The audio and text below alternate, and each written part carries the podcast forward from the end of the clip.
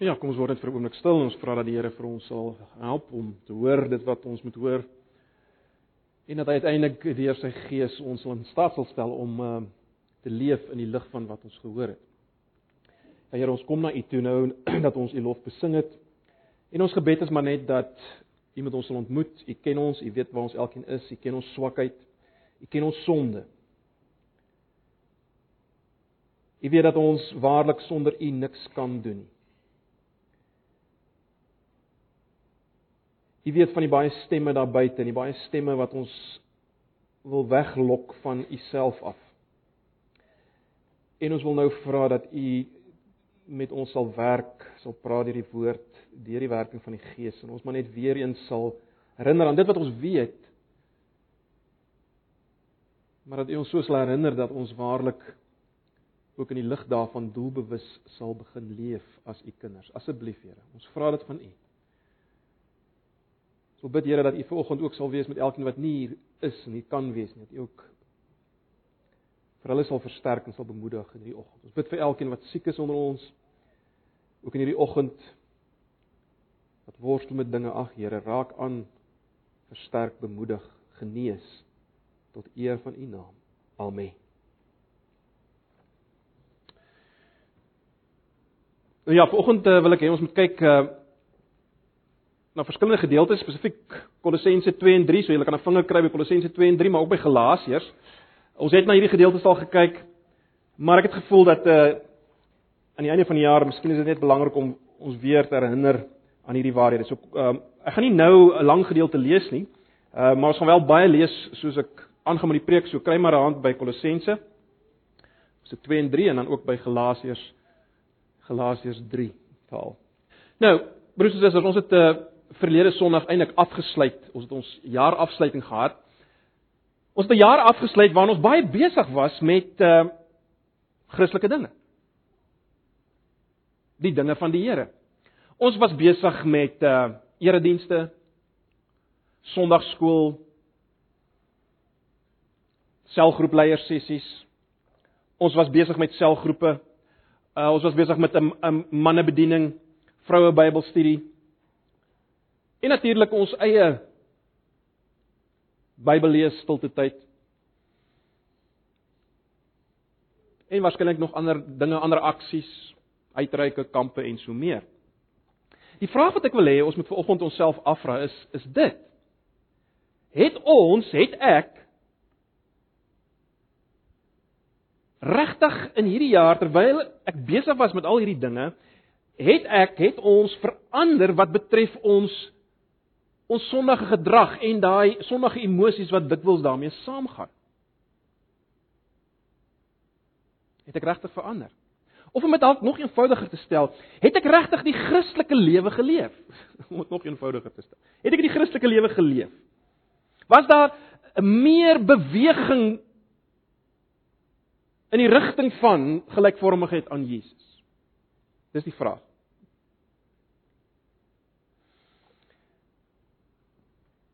Nou as ons mekaar moes beoordeel vanoggend dan kon dit dalk uh, onaangenaam geraak het. So ons gaan nie dit doen nie, maar kom ons kyk na Kolossense 2 en 3 spesifiek. En kom ons herinner ons net weer aan aan hoe ons verander as jy wil of as jy wil hoe die Christelike lewe geleef word en hoe dit nie geleef word. Hoe ons nie verander. So kom ons kyk dan nou. Kom ons herinner ons net uh, vinnig uh aan aan aan 'n bietjie agtergrond. Paulus skryf natuurlik vir 'n gemeente, mense wat bely om Christene te wees, kinders van die Here, net soos ons wat ver oggend hier sit. En en luister wat sê hy vir hulle. Dit is geweldig, ons moet dit hoor. Luister wat sê hy vir hulle in Kolossense 2 vers 9 tot 10. Ek lees die 83 vertaling. Net daai vers. Hy sê in hom dis Jesus is die volle wese van God beliggaam. En in verbondenheid met hom deel julle in sy volheid. Die 53 vertaling stel dit soos amper nog sterker. Julle het daai volheid, né? Nee. En julle het die volheid in hom. Dis dit is 'n fascinerende vers, is dit nie? Ons ons gaan so maklik oor hierdie goed gaan. Dit is geweldig wat hy daar sê, is dit nie? Julle as Christene deel in die volheid wat Jesus het. Jesus het die volheid van God gehad en julle het dit. Julle het dit. Julle het dit. Geweldig. Maar dit is baie baie duidelik dat daar 'n probleem was by hierdie eerste hoorders, eerste lesers. Net soos daar by ons 'n 'n probleem is. En die probleem is dit hierdie Christene van wie dit waar is, het nou probeer verder gaan. Hulle die Christelike lewe as te ware probeer leef op 'n verkeerde manier. Hulle het op 'n verkeerde manier verder probeer gaan. Nou ons ons weet nie presies uh presies wat die al die invloede was hier in in Kolossense nie, maar wat baie duidelik is wel is dat hulle beïnvloed is beide deur judaïstiese denke, met ander woorde denke vanuit die Joodse agtergrond en denke filosofiese strome uit die heidense agtergrond as dit kom by hierdie hele saak van hoe om die Christelike lewe te leef of verder te gaan in die Christelike lewe. En dis waarteen Paulus as te ware veg in hierdie brief. En uh, dis uiters gepas vir ons wat ver oggend die vraag wil afvra as ons terugkyk, het ons die Christelike lewe geleef, het ons verander. So Paulus kom as te ware hier en kom wys implisiet hoe lyk die Christelike lewe nie of as jy wil, hoe verander jy nie En dan wys hy veral in hoofstuk 3 hoe ons wel verander. En die eerste ding wat ons raak sien is dat Paulus wys dat kom ek stel dit so, om deur al die Christelike motions te gaan verander jou nie. Om deur al die Christelike motions te gaan verander jou nie. Luister net na Kolossense 2 vers 16 en 17. Ek lees dit weer in die 83 vertaling. Daarom moet julle nie dat iemand vir julle voorskrywe wat julle moet eet en drink nie, of dat julle die jaarlikste feeste of die nuwe maansfees of die Sabbatdag moet vier nie. Dis alles maar net die skaduwee van wat sou kom. Die werklikheid is Christus. Die werklikheid is Christus. Die 83 vertaling stel vir my baie mooi en, en sterk. Die werklikheid is Christus. Nou die dinge waarna Paulus hier verwys natuurlik is natuurlik alles Ou Testamentiese gebruike, dinge wat in die Ou Testament beveel is om gedoen te word. En uh die die mense in Kolossense, die Christene in Kolossense het 'n stryd gehad met hierdie dinge, want uh hulle is veroordeel as hulle dit nie gehou het nie aan die een kant en aan die ander kant is daar ouens wat wat sterk gevoel het as hulle hierdie dinge hou, wel dis hoe die Christelike lewe nou lyk en en dis hoe jy God gelukkig maak en hoe jy nader kom aan God as jy hierdie dinge nog doen. Maar Paulus maak dit baie duidelik dat hierdie dinge eintlik nie pas by die Christelike lewe nie as jy wil of in ander gestel dit jou nie kan verander nie. Hoekom nie? Want hy sê dis skade wees. Dis skade wees. Dis dis leë emotions. Want dit het eintlik heen gewys na iets anders. Dit het heen gewys na Christus self, die realiteit wat sou kom met Jesus Christus. So dis belaglik om om nou weer hierdie skaduwees na te kom stiptelik uit te voer as die realiteit klaar gekom het. Nou, broers en susters, dit was natuurlik 'n situasie daar. Ek wil tog waag om te sê dat dit vandag steeds moontlik is om uh om so deur emotions te gaan en besig te wees met dinge wat wat vir ons in sigself kan lyk na die Christelike lewe, na betekenisvolle dinge, maar sonder 'n verbondenheid met Christus is dit leeg, is dit skade wees. Want dit is eintlik net dinge wat ons help om Christus te sien of moet help om Christus te sien. Uh dinge soos om elke Sondag hier te wees en en en besig te wees met met die erediens, die sing van liedere, gebed, die luister na 'n preek. Dit kan totaal skade wees wees. Lee emotions wees as dit jou nie bind aan Christus nie. Liewer maak vir Christus, hom beter laat leer ken, meer in verhouding met hom bring nie. Kontak met hom bring. As jy afskakel tydens die preek, dan sit jy hier, jy gaan hierdie emotion maar selfs met gebed. Dieselfde met as jy besig is met met Bybelstudie. of 'n selgroep. Jy kan al die woordjies merk met allerlei kleure en te kere gaan, maar as as dit jou nie bring in 'n verhouding met Christus nie, in kontak met Christus nie, kan dit 'n skade weer raak.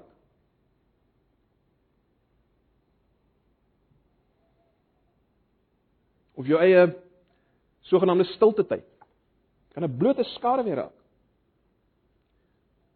'n Leer ritueel as jy wil. Dit kan in sigself jou nie verander nie. En dit is nie in sigself die Christelike lewe nie. Luister mooi. Dit is nie in sigself die Christelike lewe nie. Dit verwyder jou ditwils van die realiteit van Christus. Daar's 'n gevaar dat dit juist dit doen.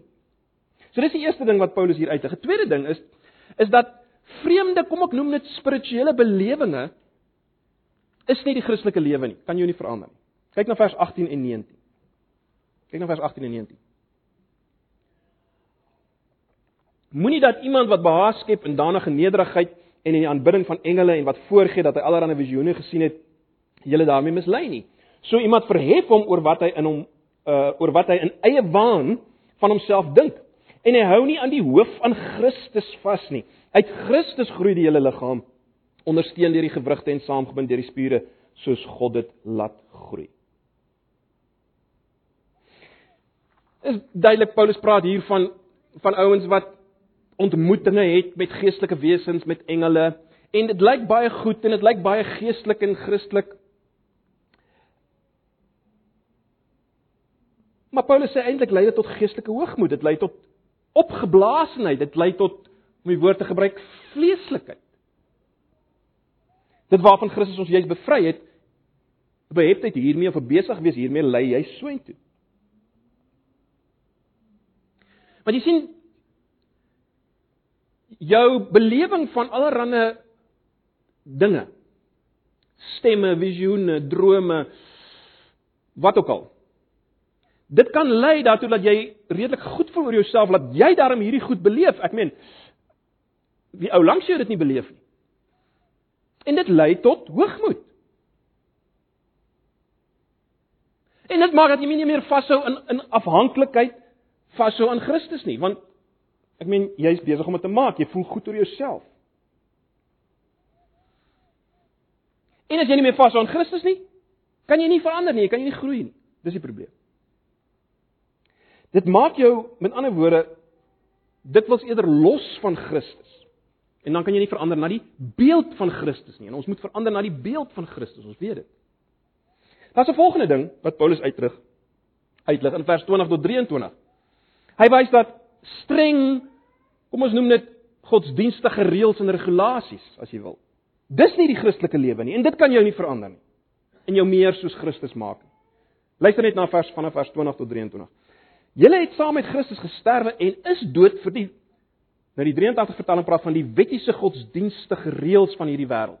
As jy die 53 vertaling het, sal jy sien hy praat van die eerste beginsels van die wêreld. Ek sal nou iets daaroor sê. Waarom lewe julle dan nog asof julle aan hierdie wêreld behoort? Waarom gehoorsaam julle allerlei voorskrifte soos hieraan mag jy nie vat nie, daaraan mag jy jou mond nie sit nie, daaraan mag jy nie raak nie. Dit gaan alles oor dinge wat bedoel is om gebruik te word en te vergaan en dis maar net gebooie en leerstellings van mense. Hierdie leerstellings het wel 'n skyn van wysheid met hulle selfgemaakte godsdiens. Daarna genederigheid en streng beheersing van die liggaam, maar dit het geen waarde vir die beteeling van sondige drifte nie. Met ander woorde, geen waarde om jou sondige drifte te uh, beteel nie en daarom geen waarde om jou te laat verander nie.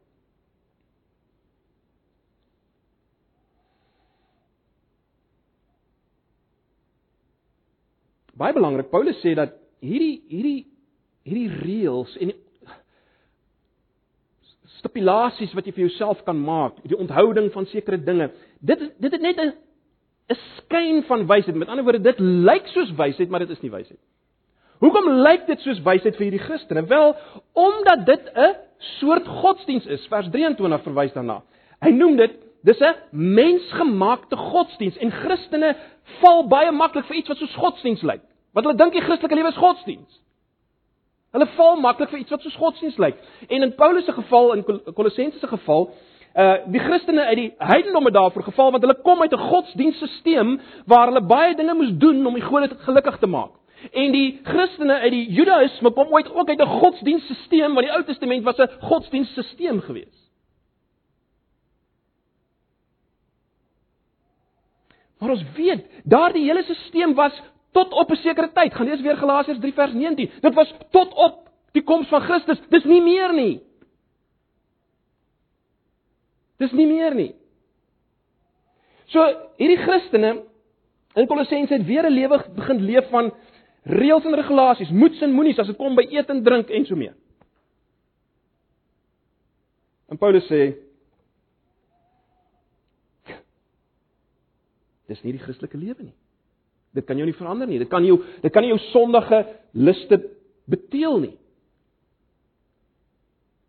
Jy sien hierdie hierdie dinge word baie baie dikwels gesien as die Christelike lewe en dit begin meeding met Christus wat sê ek is die weg, die waarheid en die lewe. Ek is die lewe. So dit lyk na wysheid. En en baie Christene vandag nog val daarvoor. Uh, dit is 'n gewellige tragedie. Dit is 'n tragedie dat Christene Christendom verwar met godsdiens. 'n Mensgemaakte godsdiens. Dis 'n tragedie. Ehm uh, baie ongelowiges kom nie kerk toe nie omdat ons die indruk gee ons is weer besig met 'n godsdiens. Jy moet dit doen so en so en so.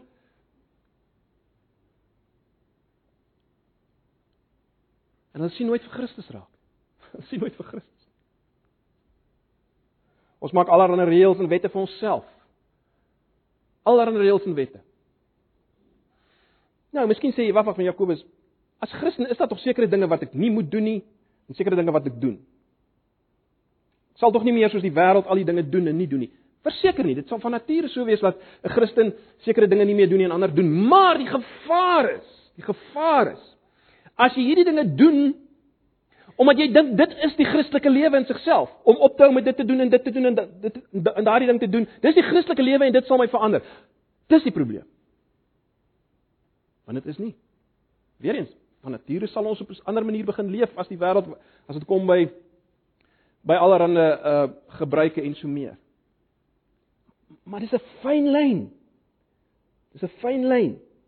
Dit kan nie verander nie. Dit lyk na wysheid. Dis nie in sigself die Christelike lewe nie. En die rede hoekom dit nie kan verander nie is is dit wat aan die einde van daai vers staan wat ons gelees het. Uh As Paulus sê dit kan nie jou dit kan nie ons sondige drifte beteel nie. Kan nie ons sondige drifte beteel nie. Uh vers 23 se einde, né? Dit het geen waarde vir die beteling van sondige drifte nie. Kan jy nie verander nie. Maar dit is meer as dit. Volgens Paulus is dit gevaarlik hierdie goed. So dis nie net dat dit nie eintlik nie die Christelike lewe is nie, jy nie kan verander nie, dis gevaarlik. Kyk weer na vers 13 en 14. En dan gaan ek ook vanaf vers 20 lees. Vers 13 sê Paulus: "Julle was dood deurdat julle gesondig het en deurdat julle sondige natuur nog nie weggeneem was nie. God het julle egter saam met Christus lewend gemaak nadat hy ons al ons sondes vergewe het. Hy het die skuldbewys met sy eise teen ons tot niet gemaak. Deur dit aan die kruis te spyker het hy dit vir goed weggeneem. Goed, hou dit in gedagte en dan vers 20. Julle het saam met Christus gesterwe, 2 vers 20. Julle het saam met Christus gesterwe en is dis dood vir die wettiese godsdienstige reëls van hierdie wêreld. Waarom lewe julle dan nog asof julle aan hierdie wêreld behoort? Waarom gehoorsaam julle allerlei voorskrifte?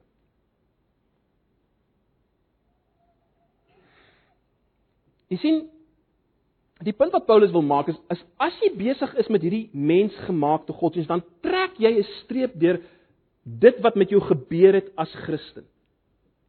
En jy leef weer volgens wat hy noem die eerste beginsels van die wêreld 53 vertaling, die letterlike vertaling of dan wettiese godsdienstige reëls van hierdie wêreld. En dis die sleutel om te verstaan waarom dit nie ons sondige liste kan beteel nie. Is hierdie frase, né? Nee, dis die sleutel. Hierdie frase is die sleutel om te verstaan waarom hierdie dinge, die doen van hierdie dinge nie ons sondige liste kan beteel nie. Hierdie frase wettiese godsdienstige reëls van die wêreld 83 vertaling of eerste beginsels van die wêreld NIV basic principles of the world. Uh die vertaling eerste beginsels van die wêreld is meer letterlik uh wat in die Grieks staan.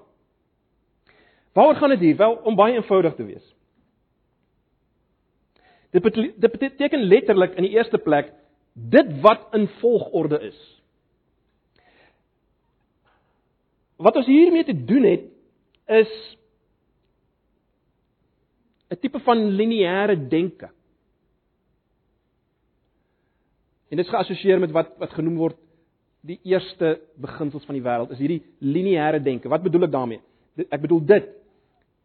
Die beginsel dat as ek as ek A doen, dan sal B en C volg.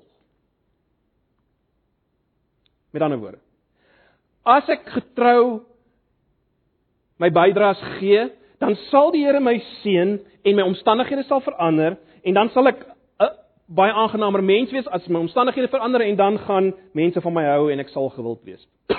lineêre denke. Nou in die Ou Testament was daar sulke lineêre denke. Maar is nie meer in die Nuwe Testament so nie, hoor, gaan kyk maar baie mooi.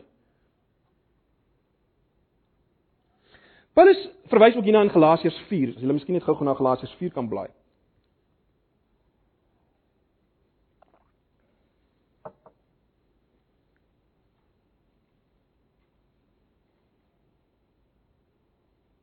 Galasiërs 4 vers 8 en 9.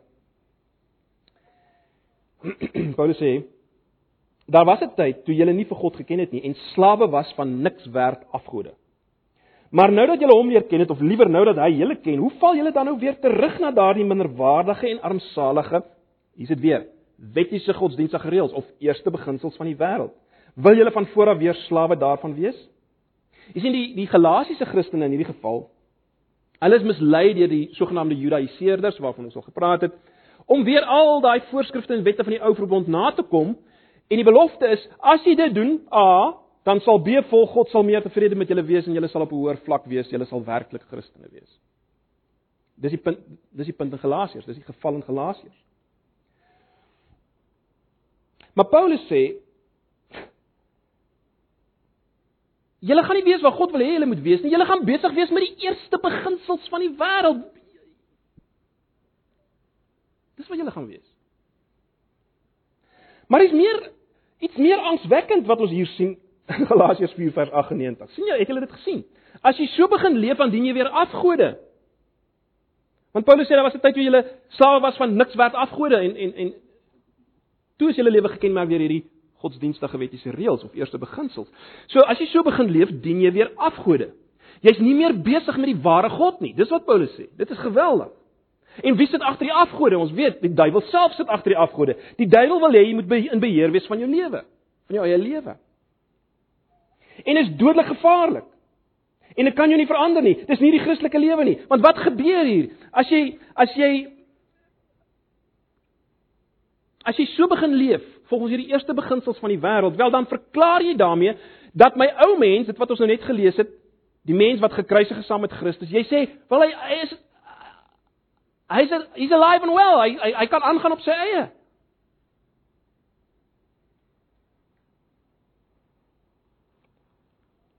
Hy kan God behaag, maar as hy nog so in plek is en God kan behaag, wel dan is die en dis hoekom ek dit gelees het, dan's die skuldbrief teen jou ook nog nie uitgedelg nie. So jy jy trek 'n streep deur dit alles. Ek is nog in staat, die ou mens, ek kan nog God behaag en as ek A doen, sal God my beloon met B ensovoorts. Dis wat jy sê, sê Paulus. Dis wat jy besig is om te doen. So die ou mens kan weer dinge doen om te verander en die hele punt van die evangelie is jy kan nie het Christus nodig. So jy verklaar eintlik daarmee jou ou sondige mens leef nog, dit waarvan ons gelees het uh, baie gehoor het toe ons Romeine gedoen het. En en julle sal onthou die die ou mens of die vlees heers deur begeertes in ons. As jy terugdink aan Romeine 6 vers 13. Dis net eenvoudig so, dis hoe die ou mens funksioneer, dis hoe die vlees funksioneer. So die oomblik as jy dinge begin doen en jy dink as jy A doen gaan B gebeur en, en jy doen dinge om te verander, wel dan kom daar dan dan wek dit hierdie verkeerde begeertes by jou. Die begeerte om gesien te word as vreeslik gedissiplineerd. Hierdie begeerte kom los. Die begeerte om dinge te kry van God omdat ek so toegewyd is, 'n groter salaris, 'n nuwe huis, mense sal van my hou en so meer. Met net A doen en dan sal drie gevolg wees. Jy sien, die hele ou stelsel is weer in plek. Die ou mens waarvan Paulus jy sê Hy het gesterf saam met Christus. Jy sien die die die die, die geweldige is jy begin weer godsdienst beoefen sodat God vir jou jou afgode kan gee. Dis geweldig, maar dis wat eintlik hier aangaan. Jy begin weer 'n godsdienst beoefen sodat God vir jou jou afgode kan gee. En en dis natuurlik baie ver van wat God se ideaal van verandering vir ons is, nê. Nee. Ehm uh, ons weet hy wil hê ons moet verander na die beeld van God soos gesien in Jesus. Wat sien ons in Jesus? Opofferende, uitreikende liefde na die wat die teenoorgestelde verdien. Totaal anders gesent uh, uitgebuig. Nie selfgesentreerd nie, anders gesentreerd. Dis totaal iets anders as dit wat ons kry met hierdie lineêre denke. Totaal iets anders. So dis nie net nutteloos nie. Jy word weer gedompel in slawerny, dis die woord wat Paulus gebruik. Jy word weer 'n slaaf. Jy's nie vry nie. Jy's nie vry nie. Maar goed, dis nou hoe ons nie die Christelike lewe leef nie, nie verander nie. Hoe hoe dan wel? Hoe dan wel? Wel, kom ons kyk. Ons kyk eers na Kolossense 2 vers 6 en 7 en dan kan jy ook blaai na Galasiërs 3 vers 1 tot 3. Daai twee gedeeltes. Kolossense 2 vers 6 en 7 die 53 vertaling. Soos julle dan Christus Jesus die Here aangeneem het. Wandel so in hom. Gewortel en opgebou in hom en bevestig in die geloof soos julle geleer is terwyl julle daarin oorvloeg is in danksegging. En dan Galasiërs 3 vers 1 tot 3. Kom ons lees maar die 83 daar. Julle Galasiërs, as julle dan so sonder begrip, weet julle verstand benewel, letterlik betower. Jesus Christus is tog is tog so duidelik aan julle verkondig dat julle hom as te ware aan die kruis kon sien hang. Net een ding wil ek van julle weet, baie belangrik. Het julle die Heilige Gees ontvang deur die wet van Moses te onderhou of deur die evangelie te glo? Is julle dan so sonder begrip? Julle het in die Gees begin, wil julle nou in die eie krag eindig? Hoe moet ons die Christelike lewe leef? Hoe verander ons? Wel, deur vas te wees aan Christus, deur vas te bly aan Christus. Dis juist wat die ander dinge nie gedoen het nie. Die ander dinge waarop ons gekyk het, ons het ons losgemaak dikwels van Christus. Hoe bly ons vas aan Christus? Wel, ons het nou gesien deur die geloof. Deur voort te gaan om te lewe soos ons aanvanklik na hom gekom het, met leeande en om om te vat op sy woord. Dit wat hy sê wie hy is, dit te vat en dit wat hy sê ons is in hom, deur die geloof. En die punt wat Paulus maak is dat ons Christelike lewens het so begin en ons het die Gees ontvang toe ons so begin het. En dis belangrik. Ek sal nou weer daarna verwys. Die Christelike lewe met ander woorde het nie begin toe ons begin het om sekere dinge te doen nie. En daarom is dit dwaas om nou te dink ek moet verder gaan in die Christelike lewe deur sekere dinge te doen. En ons dink so. Maar as soos iemand wat uh, deur 'n touloper oor die Victoria valle gedra word tot op 'n punt en dan het, dan het die keuse om self verder te loop. Dit sou dwaas wees. Kan nie. Jy sien gaan lees maar die Nuwe Testament, dit is baie duidelik dat ons word Christene deur die geloof in Jesus, ons bly Christene deur die geloof in Jesus en ons groei deur geloof in Christus Jesus. In Johannes 6 vers 28 en 29 sê Jesus of of vra die mense vir Jesus, wat moet ons doen om te doen wat God van ons verlang? En Jesus antwoord hulle, wat God van julle verlang is dat julle moet glo in hom wat hy gestuur het. Dieselfde Jesus en dieselfde Johannes sê, ek is die weg, die waarheid en die lewe. Ek self is dit. Daar's nie ander dinge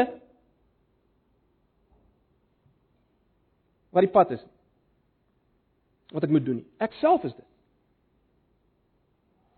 So as ons wil verander, as ons die Christelike lewe wil leef, as ons wil heilig word, net soos jy dit wil stel, moet ons met Christus begin en voortgaan met hom. Want baie belangrik en en en ons het dit gesien in Galasiërs 3. As ek leef deur geloof in Jesus in 'n in 'n verhouding met hom en vashou aan hom, dan raak die Gees werksaam, die Gees wat verandering bring, die Gees wat lewe bring. Dis hoe die Gees werk. Die Gees word so ontvang. Die Gees word nie opgewek deur allerlei liedjies te sing en te kere te gaan. Die Gees kom en raak werksaam as daar geloof in Jesus is. En dan is daar verander. Ons sal as die Here wil volgende Sondag kyk na na die Gees en sy werk. Maar dis belangrik. So, Die antwoord op die vraag hoe verander ek, hoe leef ek die Christelike lewe is in die eerste plek deur geloof, maar hand aan hand met geloof is natuurlik altyd bekering. Altyd bekering. Waarvan moet ons bekeer of wegdraai? Ons denke verander. Wel, in die eerste plek, ons moet wegdraai van ons selfgeregtigheid waaroor ons nou net gepraat het. Wat 'n geweldige gevaar is. Die gevaar om self te voel. Ek bring my kant. Ek doen A, nou sal B volg of wat die geval mag wees. Daarvan moet ons wegdraai. En in die tweede plek moet ons wegdraai van alles wat wat nie pas, luister mooi, van alles wat nie pas by die nuwe identiteit wat ons reeds het in Christus nie, wat ek julle aan die begin gelees het in Kolossense 2 vers 9 tot 10. Ons moet daarvan wegdraai. Daar's 'n gewellige verskil nie waar nie? So ek doen nie dinge, ek doen nie dinge om te verander om 'n nuwe mens te wees nie. Ek ek bekeer, ek draai weg van die dinge wat nie pas by die nuwe mens wat ek is in Christus op grond van wat hy in my plek gedoen het nie. Dit is 'n groot verskil. Dit is 'n reuse verskil. Luister na Kolossense 3 vanaf vers 1. Ek lees die 83 vertaling, ek sal wel ook 'n paar verse in die 53 lees. En dan dan sal julle hierdie waarheid duidelik self sien. Kolossense 3 vanaf vers 1. Aangesien julle saam met Christus uit die dood opgewek is, moet julle streef na die dinge daarbo waar Christus is, waar hy aan die regterhand van God sit. Rig julle gedagtes op die dinge wat daarbo is, nie op die dinge wat op die aarde is nie, want julle het gesterwe en julle lewe is saam met Christus verborg in God. Wanneer Christus wat julle lewe is, by sy wederkoms verskyn, sal julle ook saam met hom verskyn en in sy heerlikheid deel. Daarom moet julle die aardse dinge doodmaak wat nog deel van julle lewe is, onsedelikheid, onreinheid, welle, slegte begeertes en gierigheid wat afgoderry is. Deur sulke dinge kom die straf van God oor die mense wat aan hom ongehoorsaam is. Vroeger het julle ook aan hierdie dinge nie meegedoen toe julle nog daarin gelewe het. Maar nou moet julle al hierdie dinge laat staan: woede, haat, nait en gevloek, vuil taal moet dan nie uit julle mond kom nie en moenie vir mekaar lieg nie. Julle het met die ou sondige mens en sy gewoontes gebreek en leef nou die lewe van die nuwe mens wat al hoe meer vernuwe word na die beeld van sy Skepper en tot die volle kennis van God. Hier is dit nie van belang of iemand Griek of Jood is nie, besny of nie besny nie, andertalig, onbeskaaf, slaaf of vry nie. Hier is Christus alles en almal. Julle is die uitverkore volk van God wat hy baie liefhet. Daarom moet julle medelewend, goedgesind, nederig, sagmoedig en verdraagsaam wees. Wees geduldig met mekaar, vergewe mekaar as die een iets teen die ander het. Soos die Here julle vergewe het, moet julle mekaar ook vergewe. Bo dit alles moet julle mekaar lief hê. Dis die band wat julle tot volmaakte eenheid saambind. Kom ek lees net die 53 vertaling uh ook vers 9 uh 19 12 13 en 14. Uh daar's net iets wat ek wil hê ons moet raak sien.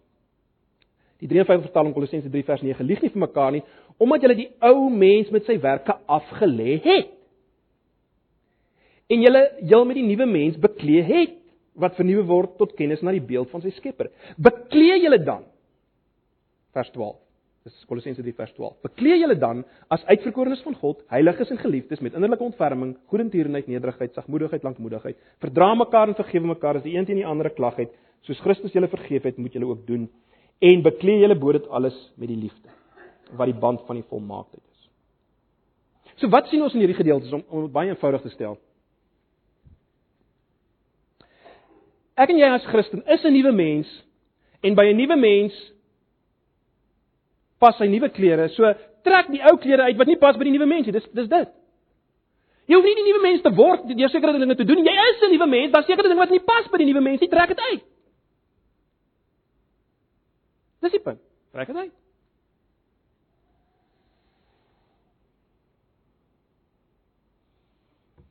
En trek 'n nuwe klere aan wat pas by die nuwe mens, die mens wat jy is in Jesus. Natuurlik is dit iets wat ons moet vat deur die geloof broers en susters. Ons kan dit nie sien nie, ons kan dit nie voel altyd nie. Ons moet dit deur die geloof vat.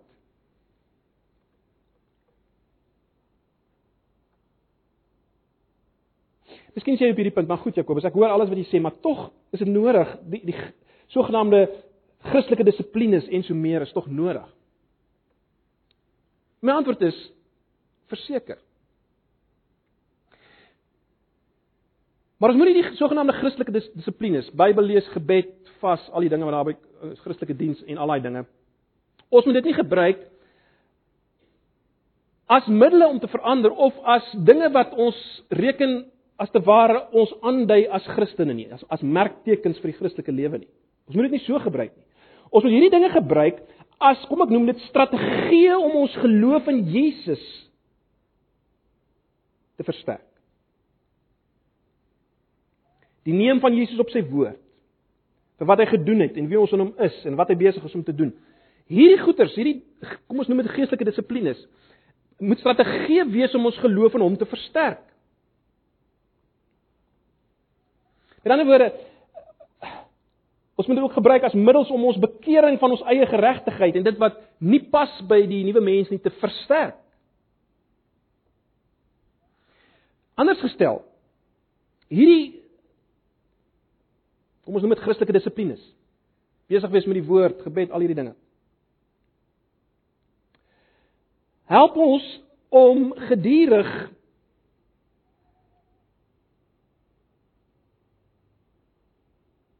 terug op waarhede wanneer toe ons onsself moet draai en dit help ons gedurig om weg te draai dit moet ons help om weg te draai van leuns. Ek sê dit weer, dit moet ons help om te draai, draai na waarhede oor Jesus en wat ons is in hom en weg te draai van leuns wat die duiwel aan ons verkoop. Dis waar hierdie dissiplines moet inkom. Want jy sien agter, ons het al baie vir mekaar gesê, jy sal onthou ons het 'n hele reeks hieroor gehad. Agter elke sondige gedrag en emosie sit daar 'n leuen, 'n leuen oor God en wie hy vir jou wil wees en so meer en wie jy is in hom. Daar's 'n leuen, so jy moet die leuns vervang met waarhede. Oor wie God is, oor wie Jesus is. En dit versterk jou geloof in hierdie Jesus. En dan luister jy nie meer na die leuns nie. Broers en susters, dit is so belangrik dat ons aan die einde van die jaar en voor ons 'n nuwe jaar begin hierdie hierdie waarheid sal vat en in die lig daarvan sal leef. Ons word vir 'n oomblik stil. Ek wil hê jy moet jou oë toemaak en maar net luister. Ek wil net 'n paar dinge uitlig. Miskien sit jy volgende hier as iemand wat deur almal gerespekteer word. Iemand wat nie een van die sondes doen wat ons gewoonlik mense aanmeet as jy dit doen dan is jy nie 'n Christen nie of dat is jy 'n Christen. Jy doen nie een van daai sondes nie, maar jy weet jy weet hoe lyk jou lewe werklik. Jy weet van jou humeur, jou geïrriteerdheid. Hier hoe jy praat met mense. Jou liefde vir geld. Jou welis wat dit ook al mag wees, jy weet dit. Of jy's dalk 'n nuwe Christen vanoggend wat sukkel om jou gewoontes van jou vorige lewe te verander. Of jy's dalk baie baie lank 'n Christen en jy voel jy het absolute plateau bereik, jy kom nooit verder nie. Dalk sit jy hier vanoggend as iemand wat in 'n groot sonde geval het waarvan niemand weet nie. Groot en alangsteken sonde. 'n Ware ding. Wel mag elkeen van julle wat jouself in een van hierdie kategorieë vind of bevind bemoedig word vanoggend met die wete dat daar is verandering nodig.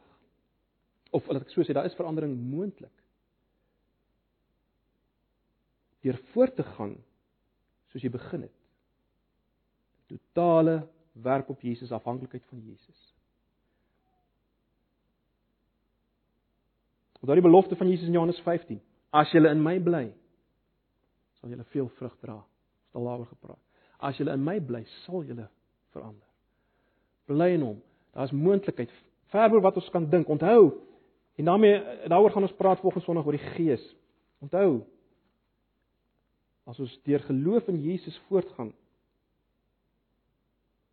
verbondenheid met hom, dan raak die Gees werksaam. En dan begin daar dinge gebeur, verandering kom en baie dinge wat ons nie eers van bewus is nie. Maar die Here sal dit doen. Mag ons versterk uh, word deur hierdie woord vanoggend uh mag die Here dit gebruik. Bid dit vir myself in die eerste plek. Bid dit vir julle elkeen. Mag die Here dit gebruik. Kom ons bid net saam. Ag Here baie dankie vir u woord. Dankie vir u self. Help ons om te hoor wat u in hierdie oggend sê. Ag Here Jesus, dankie weer eens vir u self en wat u is. Vir ons gedoen het, wil doen. Help ons om te hoor. Mag nou die genade van ons Here Jesus en die liefde van God en die gemeenskap van sy Heilige Gees met julle wees en bly ook in hierdie week. Amen.